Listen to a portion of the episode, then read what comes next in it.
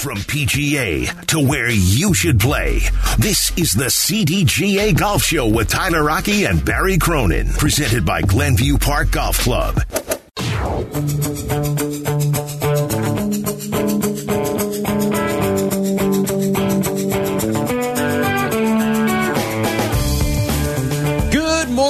Welcome on in to the CDGA Golf Show presented by Glenview Park Golf Club. Tyler Aki alongside Barry Cronin on this beautiful Memorial Day Sunday.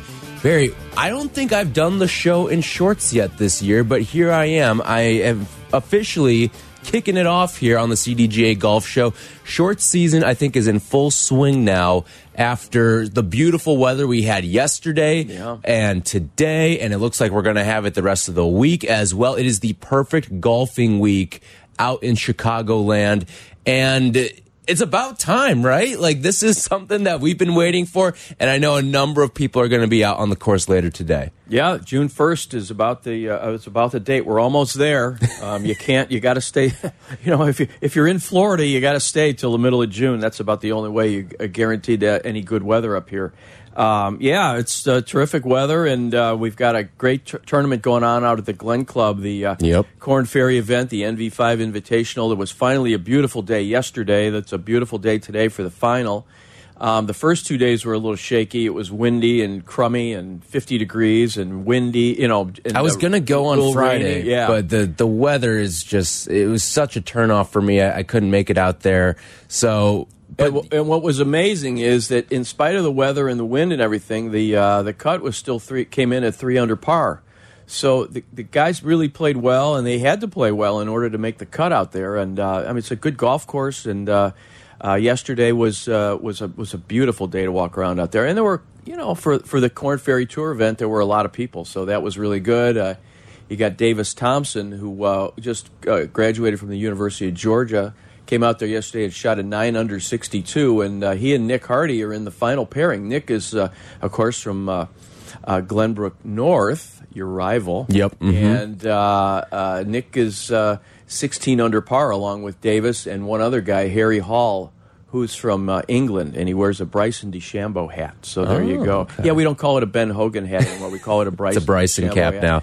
but uh, but anyway, I didn't mean to. I got off a little bit on, on a tangent, but uh, but it is great. And if you go out there, it's great. If you could get in there for free, and uh, it's a lot of fun to take, go out and take a little walk. and Nick Hardy, he knows that Glen Club course so so well. Right. So Yeah, you something know to what? monitor for today. Yeah, he was in the final pairing last year uh, with Cameron Young, who, as you know, Cameron Right. Young was uh, was competitive in the uh, PGA Championship and has played really well this year. So a lot of good players out there. So if you're heading on out to the course today, or maybe you're going to the NV5 as well, give us a call 312-332-3776. We'd love to hear from you where you're playing and what's the scope of the land out there in Chicagoland Golf. 312-332-3776. All right, what a PGA championship we had last week. I mean, one of the more improbable victories that we've seen at a major and it's not because of who did it right i don't think Right. if you told either of us at the beginning of the pga championship that justin thomas was going to walk away with it we would have said okay yeah probably makes a lot of sense right,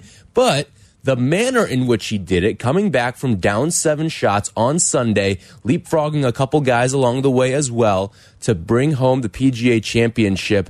I mean, Justin Thomas on that Sunday, he didn't do anything spectacular, nothing that that we'll remember for the ages per se in terms of a, a final round that he played himself, but the way that he sort of navigated through some trouble and really just played a consistent round of golf on that final day. That's all he needed to do, and now he's walking away with his second major. Right, exactly. You know, it's interesting. He was he was actually, you know, it, it, during the round, he was eight shots behind with ten holes to play, and and you watch it and you go, how how could this? How does this happen? You know, you know how you ever watch a, f- a football game and replay and you know you know the outcome. And you go, mm-hmm. how in the world did they win Right. this game? You know, or how did they lose, or whatever? And you, and this shocking things happen. So yeah, he was he was eight behind with ten to play. He birdies number nine he made that super long putt on number 11. Remember, he made, made Yeah. that bomb, mm-hmm. right? And everybody goes nuts. But then he pars the par five, the 15th hole, and you think, well, now how could he do that? But anyway, but then, of course, Mito Pereira, as we know, he kind of held that lead until the very last hole, and he and he knocked his tee shot into the water. Um, and then there was a a lot of debate about well, should he have hit driver or should he have hit three wood? But uh, but those guys always hit driver, you know, no matter what. That's what they do. Right. And, and you know, a lot of people say driver is the easiest club in the bag to hit because the heads now are so big, the ball goes so straight, the ball hardly curves at all. Right. And uh, and he hits it in the water, and then that obviously complicated matters for him, and you wind up with uh, Will Zalatoris and uh, and Justin Thomas in the playoff. So uh, yeah, it was quite a deal. It was, and that's the thing too with Mito Pereira. He had that lead going into 18, and he doesn't even get a chance in the playoff Right. at the end, even though he had played three, ama- really three and 17 holes, three days and 17 holes of great golf. Right, and he and the thing is, like you said, he held that lead despite all of his kind of you know making bogeys and making weird swings or whatever. He held that lead up until the 18th tee. He came within like a, you know, a, a quarter an inch of making that putt on 17, which would have given him a two-stroke lead going into into 18. Um, but he missed that putt, and just by a little bit. And um, hey, man, listen, he played a great round of golf. Yes. he played a great round of golf, and I think people really liked him. Um, Yeah, and he I was a think great that's, really great. You know, a young guy with a gr- with a lot of game. He made one mistake. You know that swing, and I think you probably saw the. They finally showed the replay because they didn't show the replay right away. But once once the, once you saw that swing, you kind of go. You know, it made me. Cr- you know, it's like, wait a minute, that's not how he's been swinging all Right. day. He kind of seemed like he went a little bit too quick. And I'm no analyst of golf swings, right? Mm-hmm. But I think anybody would have told you that you know he just went a little little bit too hard at it. Maybe he took a little bit too hard a swing or whatever, and and the ball goes in the water. And we know, you know, at that level, at the speed those guys are swinging, if they just leave their club face open, like you know, like a degree, the ball goes like 50 yards right. So anyway, that's what happened to him, and uh, and and then the, the the the playoff was was really awesome. I mean, Zalatoris didn't play bad in the playoff. No. but but uh, JT was just that JT much better. was solid. He was so solid, and I. I don't know what you thought, but um, you know he's got this relationship with Tiger, so maybe Yeah. I'm out of my mind. But I sit there and I go, wait a minute. To what extent is he? Have he and Tiger talked about this? Right? And and it seemed like he was just kind of bulletproof in that playoff. He, his experience came around. That the tee shot that he hit off the first playoff hole was just so solid. Um, and then he hit, hits that. Um, uh, he had a layup and then hit a wedge in there. And you know his wedge game is so good, and he makes birdie, and then he makes birdie on the second hole, and and Will, you know, I think Will parred the first hole. And uh, anyway, so it was cool. It was great. And you know what? If you look at that leaderboard um, that we talked about last Sunday, you go, well, who's the guy with the most complete game? Who's the most accomplished player, right? And if you would go down the list, you'd say, well, it's got to be Justin Thomas. You know, he's got the wedge game. He's got the usually he's got the putter. He's got the driver. He's just got the brand name to him yeah, too. Yeah, the brand name and his his um, his iron game is is great. You know, so I think for the PGA of America, obviously we talked about it last week. You know, they want a brand name player, right? Right. Um, Dan Jenkins used to say, you know, you, you know, it's got to be your lead has to be uh, Jack Nicklaus, comma, when, whenever there's a, whenever a whenever a, whenever a major championship comes around, because that's the guy you want to win your major. You know, you don't want a guy like Shaun Micheel, who you maybe have never heard of. you know, he won the he won the PGA back in the day, and then nobody ever heard of him again. So Right. they don't want that. But uh, I think that you know Justin Thomas pretty much his second PGA championship. He's won a Players Championship, and I think probably with that has solidified he can get into the Golf Hall of Fame right now. Right. So, um, no matter what he does, he could retire next week at 29, and uh, and but of course he's not, and of course he didn't this week, and he missed the cut. Yeah. at the at at, the, at Colonial. So you brought up something there that I found interesting, and it's his relationship with Tiger Woods and how what kind of conversations they they might be having in regards to all this. And you know what? It kind of strikes me there because I feel like just having a friendship with Tiger Woods is pressure packed in and of itself. Like you probably feel like in that friendship you're on the final stretch of holes in a major, right? And, and, you know, he sets the standard for you, and he's the one like like he said in his press conference afterwards. He said, "Oh yeah, he's probably going to give me a hard time because I." you know, I missed the putt on this one and I shanked it on. Remember, he, he had a shank on number Yeah. 6 I mean, it was unbelievable. I thought it was me out there.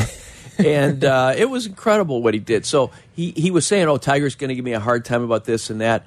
So, you know, when you give hard time to your friends, it's kind of like you're setting a standard of Right. excellence. And that's what Tiger's doing in a, in a, in a nice way. He's not yelling at him, but he's, he's, he's kind of giving it to him, you know. Now, Ti- nowadays, Tiger is as friendly as they come on the PGA Tour. It feels like, at least in interacting with other golfers. But he hasn't always been that guy. He sort of had to reopen that door a couple years ago when everything was sort of falling apart with him. And I think that for Justin Thomas, like getting in the door, I mean, he was one of the first people I feel like that uh, of the young crop that that Tiger really befriended. Right. And that to me probably for Justin was a good thing and, and probably has given him a ton of confidence wh- and a big reason why he's won two majors now. Right, I agree with that. Um, and uh, it was interesting though at the Masters, uh, they interviewed Jon Rahm, and and, Right. and they said to him, "Hey, Jon, you know, uh, gee, Tiger's being a lot more friendly to the younger guys. Uh, has he given you any tips?" And he's like. He hasn't given me any tips. He says I asked him about this or that, and you know uh, something on a putting on a green or whatever. And Tiger said, "Oh yeah, you know." He just gave him some,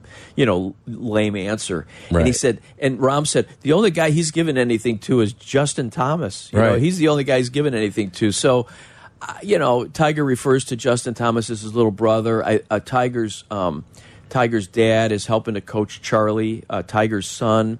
Um, and and I think they spend some time together. And I mean, remember when Tiger uh, was injured in the car accident?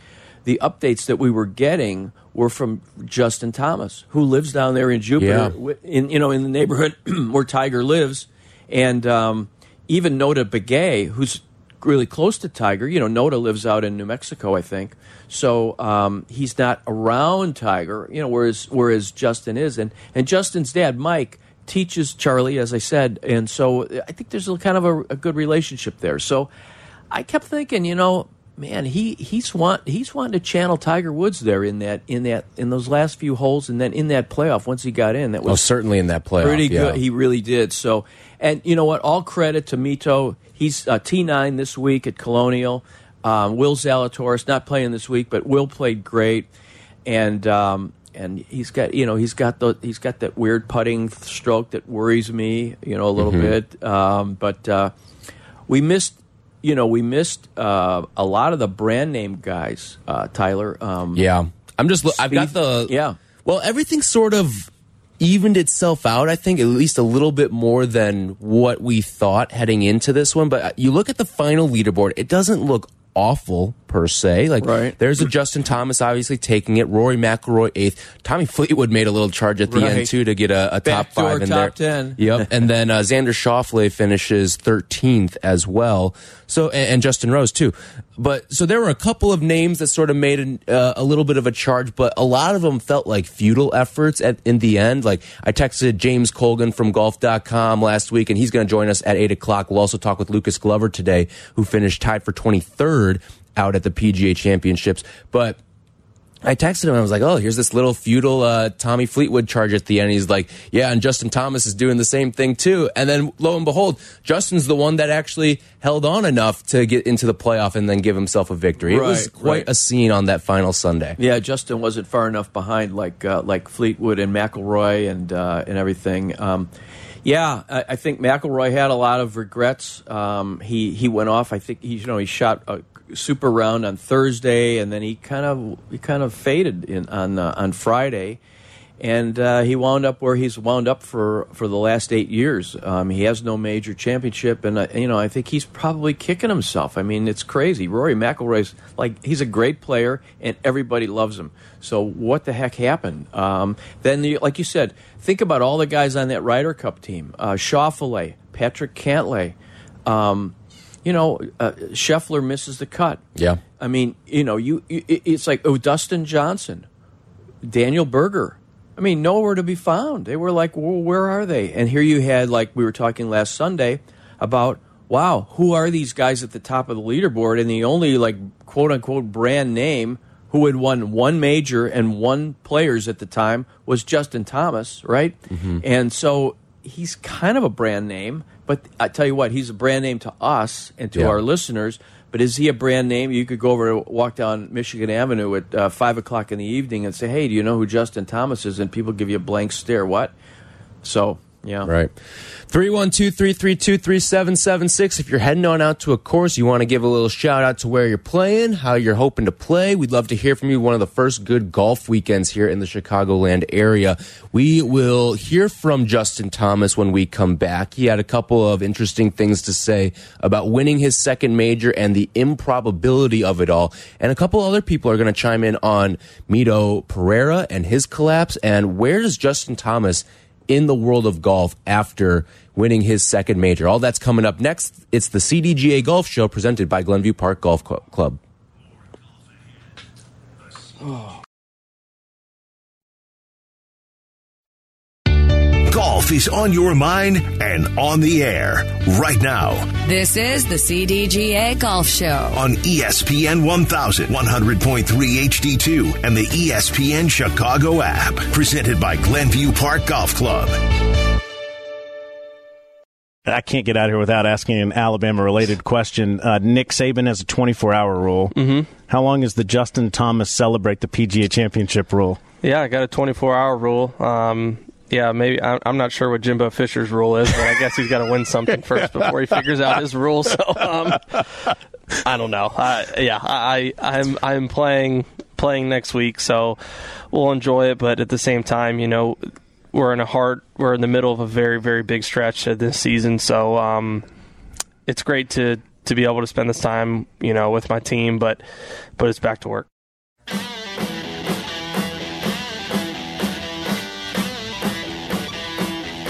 That's a good little roll tide jab for you there. Justin Thomas on PGA Tour radio after his victory on Sunday, and he's still got that roll tide pride in him too, which is always good to hear. This is the CDGA Golf Show on ESPN 1000. This segment's brought to you by PGA Tour Superstore. Visit any of our three Chicagoland locations today. Tyler Aki and Barry Cronin. So Justin Thomas is your PGA Championship winner. He now has two majors to his name in his very young career. And, he's one of the guys that's just so fun to watch every single tournament. You know what you're kind of getting in Justin Thomas. I know he's, of course, not playing after missing the cut in at the uh, down at, in uh, Texas this week, but at the Charles Schwab. But he's one of those guys you kind of know what you're going to get every single tournament out there out of him, and he's going to always going to have his name in contention. That's what makes him a lot of fun to watch. Well, he, he's part of the. Uh he's part of the uh, the younger guy, uh, younger set, right? Mm-hmm. He's uh, he'll talk to you. He's transparent. He's a good guy. Um, I think he's more transparent than any of them. I mean, uh, uh, Spieth is is good, but he's sort of gotten a little bit a little bit more into into you know quiet. Mm-hmm. Um, good, but, he, but, there's another guy, Morikawa. He didn't play great at the PGA. No, he did not. Um, so uh, yeah, I just think Justin Thomas has got a great uh, personality. Um, uh, so I think uh, yeah, people like him, and, uh, and people get to know him even better now. So uh, so it's terrific. So he was asked after he had his immaculate round on Sunday that got him the championship here. Going into Sunday, he had a 1.2% chance right. of winning. That that was the the odds of him winning. 1.2% was the odds of Justin Thomas winning heading into Sunday. Here's what Justin Thomas said when he was asked if he knew those were his odds heading into that final round. I did not know that. Um, yeah, it's uh uh, yeah, I mean, I I guess you could argue that it may should have maybe not even been that high. I don't know. It just I would say the only reason it, I had a chance is because there was only six people in front of me. You know, usually when you're seven back, it's it's you know fifteen, twenty guys. So um, yeah, usually they, they get it right, but I got lucky that time. And that was interesting too. What he kind of said there at the end. He was only had six or seven guys he had to jump. Usually, right. when you're seven strokes back, it's a much larger field that you have to overcome, thus making it quasi impossible to actually win. Especially when you only go what do you go three under on that final round too. It wasn't like he shot some immaculate yeah. 65 or something like right. that. Yeah. um, he was. I think that what the point that they made was that um, he and Bones and his dad, Mike uh, Mike Thomas, uh, a PGA professional, proud PGA professional. Uh, he was only four strokes behind second place.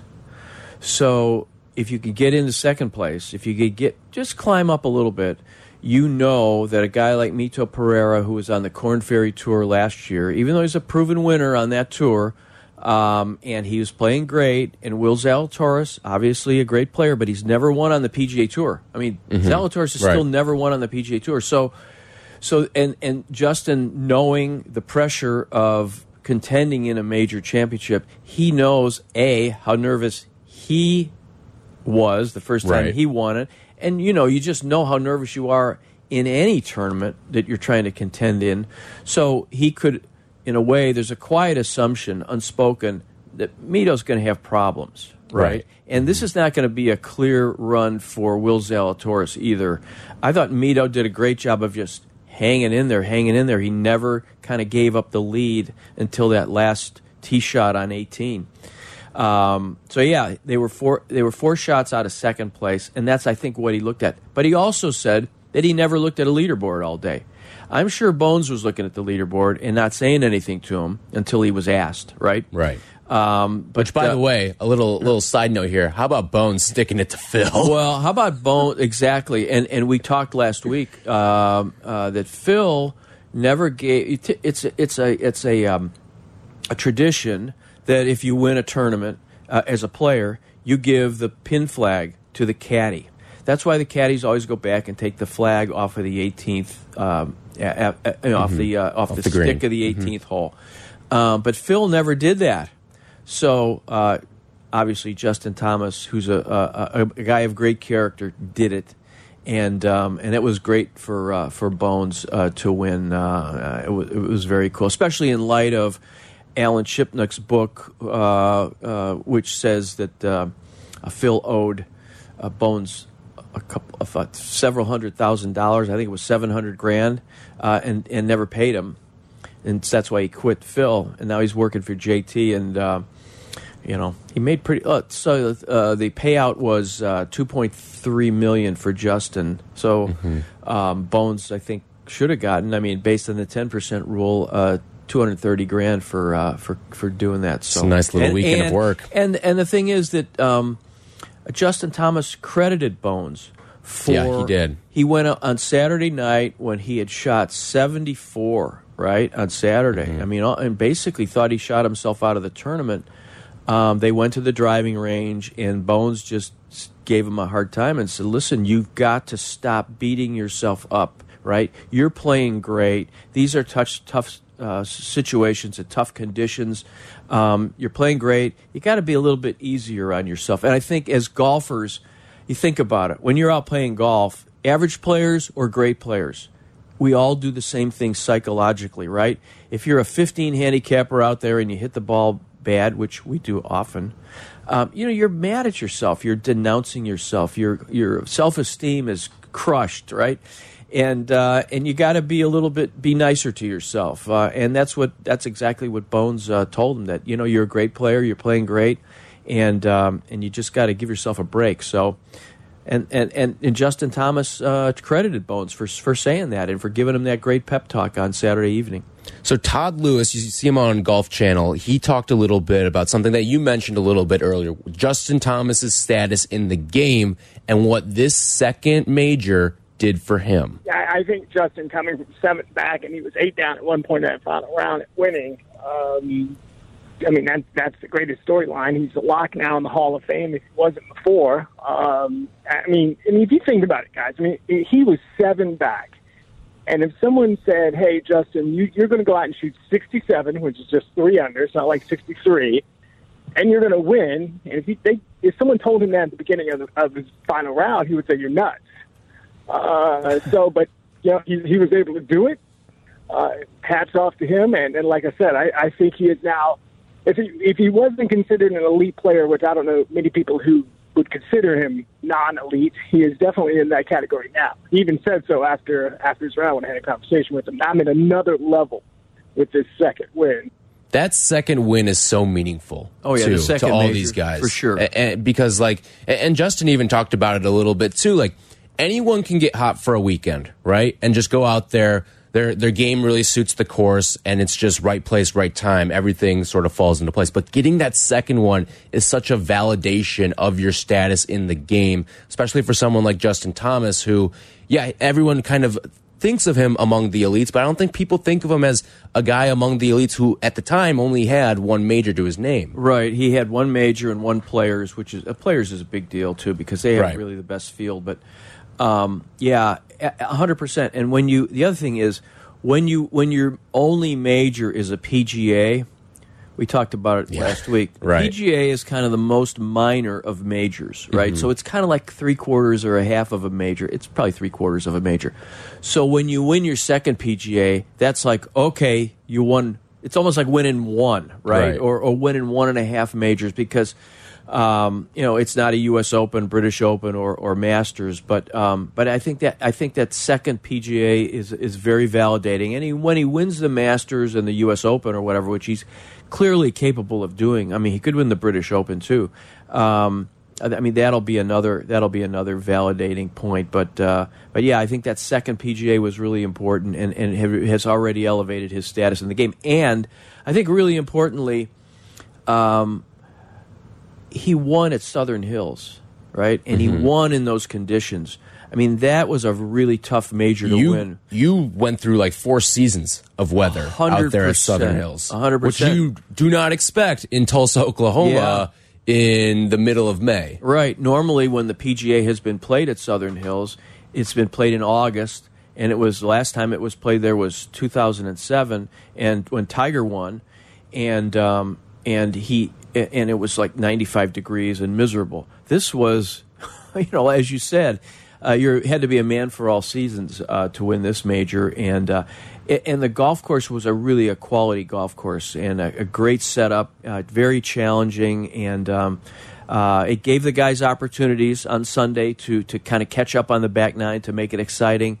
Um, but uh, but yeah, I think Justin proved himself, and um, yeah, for sure, he's he's he's reached that elite status, and now I think you know he'll go in. You you know how it is when you uh, you watch uh, live from the from the U.S. Open or live from the Masters. These guys on Golf Channel sit there and talk for three days about who's going to win, and then they never mention Mito Pereira, right? They never mention the guy. So so J- JT's name has all has been in that in the, in that mix for quite some time, but now it'll be in it more. Um, so you know, yeah, he's he's definitely uh, a, a, a, an elite player. When we come back, we will hear a little bit about Mito Pereira, what happened on 18 with him, the collapse, and really he had the PGA Championship in his hands, and he let it get away from him on the 18th. We will hear a little bit more on that, and also what's going on at the Charles Schwab. Do we have Scotty Scheffler? Potentially making another run at a PGA Tour event. We'll get into all of that and a little bit more coming up next. This segment sponsored by PGA Tour Superstore. Visit any of our three Chicagoland locations today. How's your golf game? Yeah, mine too, but more on that later. It's time for more golf talk on the CDGA Golf Show, your guide to golf around the world and in your neighborhood.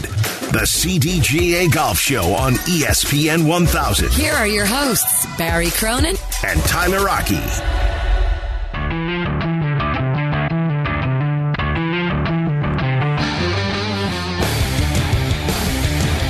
It's the CDGA Golf Show. This segment's brought to you by Geneva National. Experience 54 holes of legendary golf at Destination Geneva National. Alongside Barry Cronin, I'm Tyler Aki, talking all things from the PGA Championship, and we'd love to hear from you as well. 312 332 3776.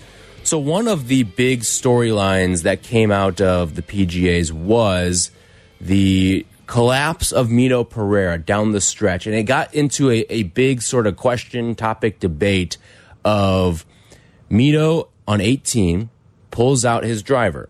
He goes in with a lead. All he has to do, I believe, was bogey, and then he, he wins the, the PGA championship.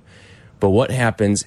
He goes out there on 18 and puts his drive into the water And not only does he not win the PGA championship, but he doesn't even put himself into the final grouping that gets into the playoff at the PGA championship. It felt like a lock at a certain point when he stepped up to that 18th tee box, but clearly something got to him on that 18th tee. But this brings up the question should he have pulled out the driver? In that situation because I mean I think you and I talked about it a little bit uh, over the course of the week, but he could have hit four, five, seven irons and been good.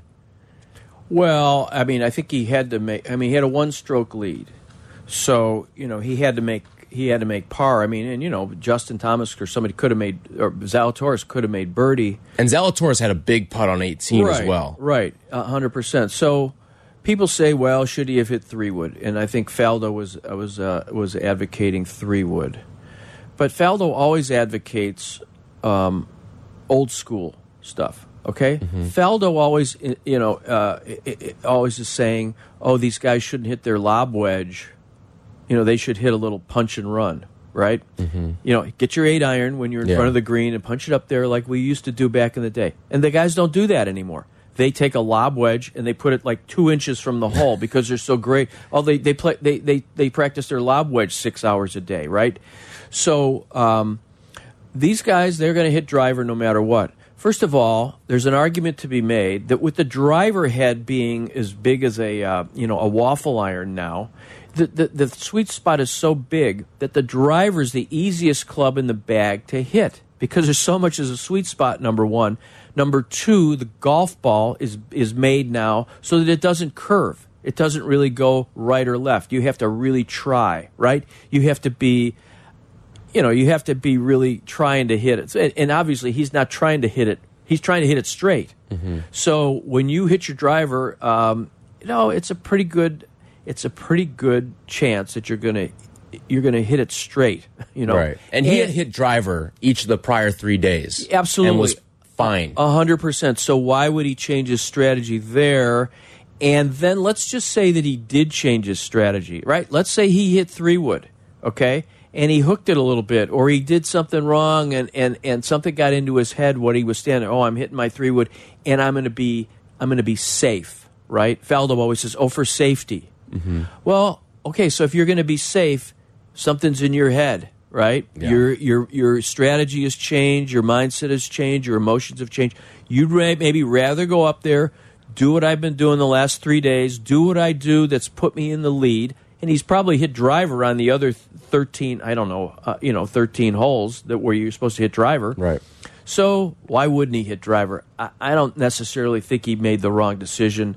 It's easy, you know, for us. We're in the we're in the peanut gallery and in the sports radio talk radio gallery in the analyst gallery to say, oh, he should have hit uh, he should have hit three wood, but if he hasn't done that in other situations, even on the final day, he, he really can't, right? It, it's not logical for him to do that. He's got to stick with what he's done, and uh, and that's what he did. So, and unfortunately, you know, he left the club head open about two degrees, and the ball went in the water, you know, Right. which was which was rough. And then he had a tough uh, spot where he got a drop, and he couldn't get on the green and all that, so he had a hard time.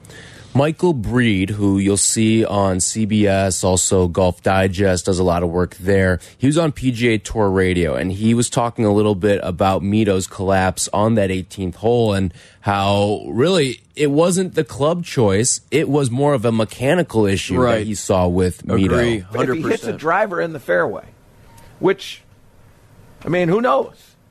Different circumstance. I I mean, that golf swing, I don't really care what head was on the end of that stick. That golf swing would have would not have hit the ball in play. It just wouldn't have. Right. Now, would it have gone into the hazard with a three wood? Oh, There's it can no still knowing. reach with a three wood. There's no knowing. You don't know what sort of side spin is created. You don't know whether it was a solid contact. You don't know any of it. What you know is is that he and his caddy made the decision that they thought was the right decision in order for him to be able to win. And he wasn't able to execute the shot. And we've seen many, many times players with less experience and players with more experience fail just as as as Mito did. So yeah, really, it was just a bad swing. I mean, was. you you look at the mechanics of what happened. It it just it was not the golf swing that we're used to seeing out of what we had seen from the prior three days and seventeen holes of Mito Pereira. Yeah, I mean, when you looked at it and you go, I mean, I remember looking at it going, "You got to be kidding me!" I mean, eh, you don't have to be an They were scared to show the replay for the longest right. time They, too. they didn't show it. They did not show it for a long time. And and then and I'm like, well, where's the replay? You should be showing that replay right away. He, you know, he looked like he had some sort of a uh, some sort of an attack, you know, like in his body. Right, that wasn't the same body that that executed all these other strokes for the rest of the tournament. He just sort of he just had a there was a herky jerky motion to that to that final drive, um, and um, and that's why he didn't. And look, you know what? there were people you get you get nervous if you have five dollars on the line, right, on the 18th hole, um, or any kind of pressure, competitive situation, whether there's money on the line or not, and you have to hit the ball in the fairway. Uh, you know that as an even as an amateur golfer, obviously, it's hard to do, and as a pro, it's hard to do. That's I mean, a multi-million dollar drive that he exactly exactly. but you know what? It doesn't whether it's multi-million or it's just you playing against your buddy and you got to make this just to beat him Right. just to win a match. And there's nothing on the line. Maybe there's not even five dollars on the line. Right, just for pride's but sake. just for pride and you go and there you you hit it. And you so everybody who everybody who's listening to this who's ever had the least bit of pressure on them to hit a golf shot understands uh, uh, exactly what Mito was feeling. And and you know what? It's man you you it's tough. It's it's not easy. And he's in a and it's not like he's never won. I mean last year he won three times on the Korn Ferry tour um uh, and, uh, and and he got a what they call a battlefield promotion to the PGA Tour, right? So I mean, he's an accomplished player, and we heard uh, last uh, last Sunday when uh, uh, Joaquin Niemann, who was a, a countryman from Chile, um, was sitting there saying everybody wanted to be Mito when they were younger, and they idolized him because he's obviously such an athletic guy. I mean, you look at him and you go, "Man, this guy's an athlete." Um, but you know what? Everybody, everybody, everybody makes mistakes. It doesn't mean it doesn't diminish him as a player. It just says, "Hey." You know, hopefully he can put himself in contention again. This won't be a one-hit wonder type of thing for him and and then he can learn. Look at how Zalatoris has learned. I mean, he's managed to finish second at the Masters, and every seems like every major he's in he's in contention. Right. Yeah. All right. Let's give away a CDGA starter pack. How about it? All right. So here's what you're going to get. You're going to get a CDGA towel, a Blackhawks towel, a sleeve of zero friction distance balls, a CDGA hat, divot repair tool, and a free Jersey Mike sub. All of that bundled into one here. Be caller 10 right now. And there's a twist to it too. Tell us where you are playing either today, yesterday, this week, what you have planned. Be caller 10 right now and give us that information. 312 332 3776. We will hear from the winner next and also give you a look at what's going on around the CDGA as well. This segment has been sponsored by Geneva National. Experience 54 holes of legendary golf at Destination Geneva National. The CDGA Golf Show will be right back. Welcome into the CDGA Golf Show on ESPN 1000, presented by Glenview Park Golf Club. Here's your hosts, Barry Cronin and Tyler Aki. Allow me to reintroduce myself. My name is Hov. Beautiful morning in Chicago. A great day for golf around the Chicagoland area. This is the CDGA Golf Show presented by Glenview Park Golf Club. We're going to talk to James Colgan from golf.com in a little bit, all things PGA Championship, as well as a little bit of insight as well into the Manning cast that was put on as well. A different little spin on golf on TV. We'll talk to James coming up in about seven minutes from now here on the CDGA Golf Show. This segment brought to you by Tullymore Golf Resort. Experience a Michigan masterpiece. So we were calling for caller 10 to tell us where they're playing or where they have played as of late, and they are going to walk away with a CDGA prize pack. Tim is in Ukrainian Village. He is caller 10 here on the CDGA Golf Show. Tim, what's going on? Where are you playing? Uh, good morning. Uh, yesterday I played out at Old Oak in Homer Glen. Okay. And uh, great uh, hidden gem. Not many people play out here, but a very tight, old style uh, course. A lot of trees. Uh, good time. Fully crowded every day. Wow. And how did you shoot? Uh, not not great, but 88, uh, which is Okay. Um, I'm a 12, so not too far away. Um, a lot of very thick rough out there. Uh, all this rain we've had has really what made the course Yeah. come back pretty, pretty lush. Right, yeah. Well, Tim, we're going to put you back on hold. You have won a CDGA prize pack. We're going to give away another one of these. Uh, but congratulations, Tim, and best of luck on, in your next golfing adventure as well. Uh, 312 332 3776 if you want to hop on in. We'll give another one away around 8 25 830 or so so be sure to be listening to the cdga golf show then um, so actually it's funny uh, he said uh, not a very good round for me at 88 i was talking with jesse rogers yesterday and he was on this station with peggy and dion yesterday and it's that rare friday off day not just for the white sox but for the cubs that he had. So he, of course, gets relieved of any of his baseball reporting duties for that Friday day off. It's beautiful, right? You don't get a lot of Fridays off in baseball.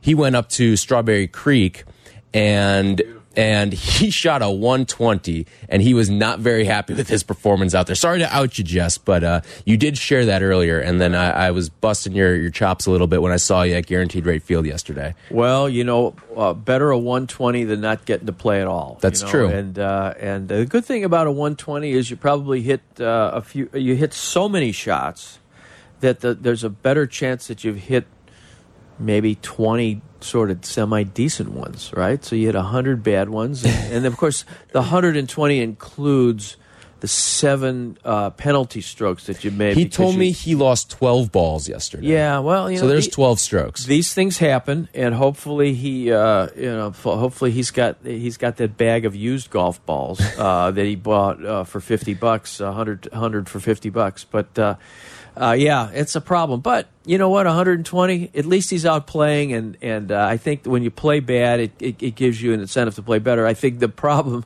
the problem for most people is that we don't play enough, uh, we don't practice enough uh, we watch TV and we see the greatest players in the world, and uh, uh, we, we try to we kind of measure our own game. They make it look so easy, yet they practice Right. six seven hours a day, and uh, uh, you know it's it's just and they've been playing for since they were five years old.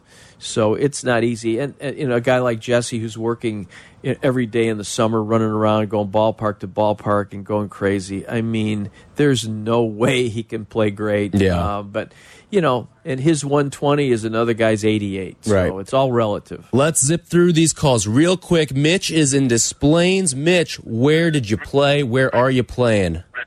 Tyler, I am going over to the Golf Center of Des Plaines. Okay, Oh, nice wow. little driving range there. I love that driving range, by the way. Yeah, it's great. As Barry just pointed out, I have no business going out on a course today. So it needs to go over there, get on that driving range, get some practice in first.